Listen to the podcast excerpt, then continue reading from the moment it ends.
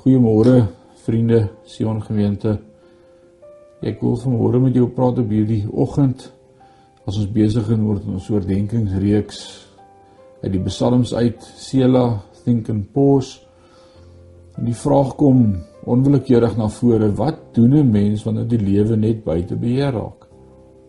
Psalm 22 het vanmôre vir my en vir jou duidelike antwoorde en ek wil hê ons moet lees van vers 1 tot 5 dan vers 19 tot 28.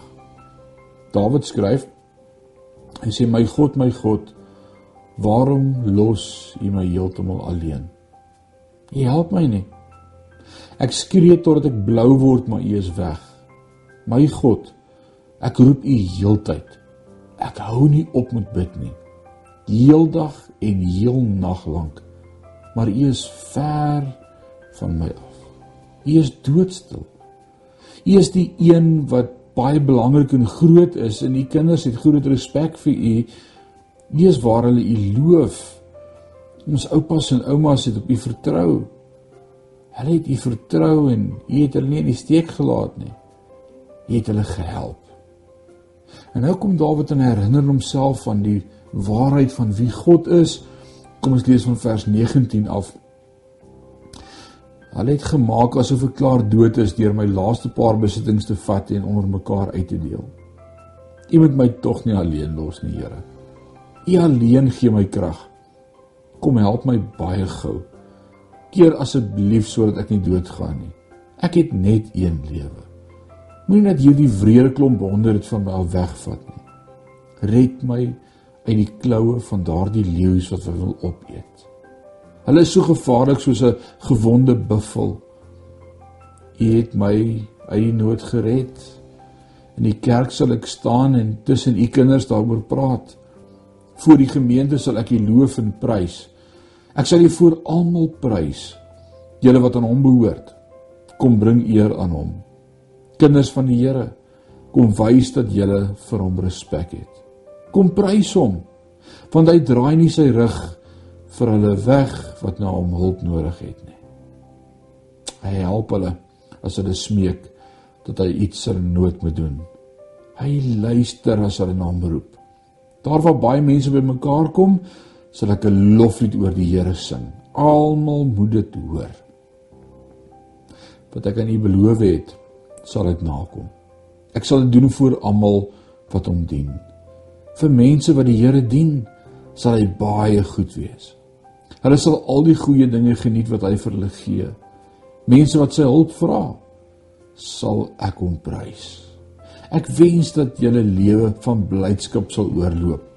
Dan sal julle voluit leef en elke dag geniet en lank lewe. Tot op die verste plek op aarde sal mense sien hoe groot die Here is. Hulle sal hulle lewe vir hom gee. Mense wat hom nie geken het nie, sal hom dien. Oud en jonk sal na hom toe kom.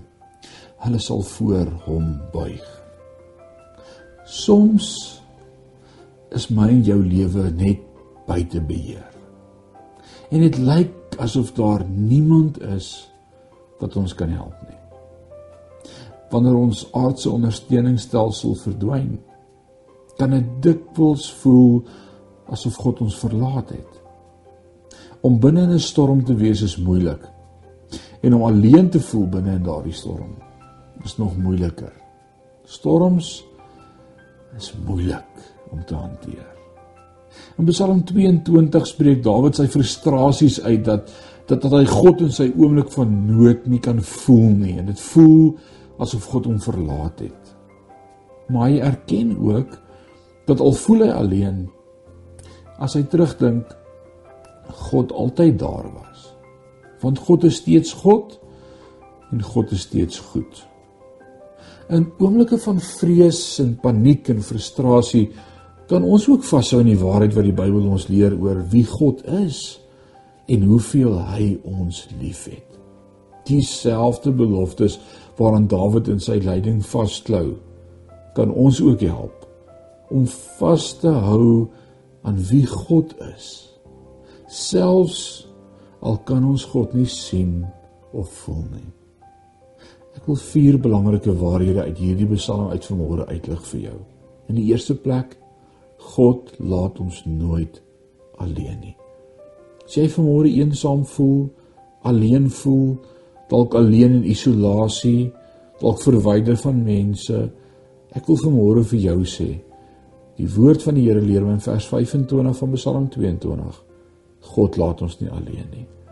Die tweede waarheid is God sal ons altyd help. Soms voel dit vir ons asof God stadig is, asof hy nie hoor nie, asof hy nie daar's nie, maar ek sê vir jou vanmôre sy woord leer my en tyd het my geleer God help altyd. Dalk nie dadelik op die manier wat ek en jy gedink het nie, maar hy's God. Die derde punt wat ek wil sê is ons kan God vertrou. Ons kan vertrou dat God altyd by ons is deur alles waarteen ons te staan mag kom. Hy sal ons nooit begewe en ons nooit verlaat nie. En die laaste punt, by God is daar nie enkele persoon of omstandighede wat ons permanent kan verslaan nie. Groter is hy wat in ons is as hy wat in die wêreld is. Wanneer die lewe jou rondgooi, wanneer jy in hierdie omstandighede saam met my sit van onsekerheid, kan ons aan hierdie waarhede vashou en weet dat alles in orde sal wees nie as gevolg van wat ons doen nie, maar as gevolg van wie God is. Ek wil môre as ons 'n oomblik reflekteer oor hierdie Psalm 22, wil ek jou twee vrae vra. Die eerste een, het jy al ooit verlate gevoel tydens 'n moeilike tyd? Ek dink ons almal moet kan antwoord. Ja. Ja, ons voel soms alleen. Die tweede vraag dan is, wat kan jou help om die waarheid van wie God is te onthou selfs te midde van jou moeilike situasie. Hou vas aan sy woord. Kom ons bid saam. Ewige God en Hemelse Vader, as ons vanmôre stil word en hierdie dag aan U opdra en ons afhanklikheid opnuut van U bely, dan wil ek bid vir elkeen wat saam met my luister na U woord vanmôre.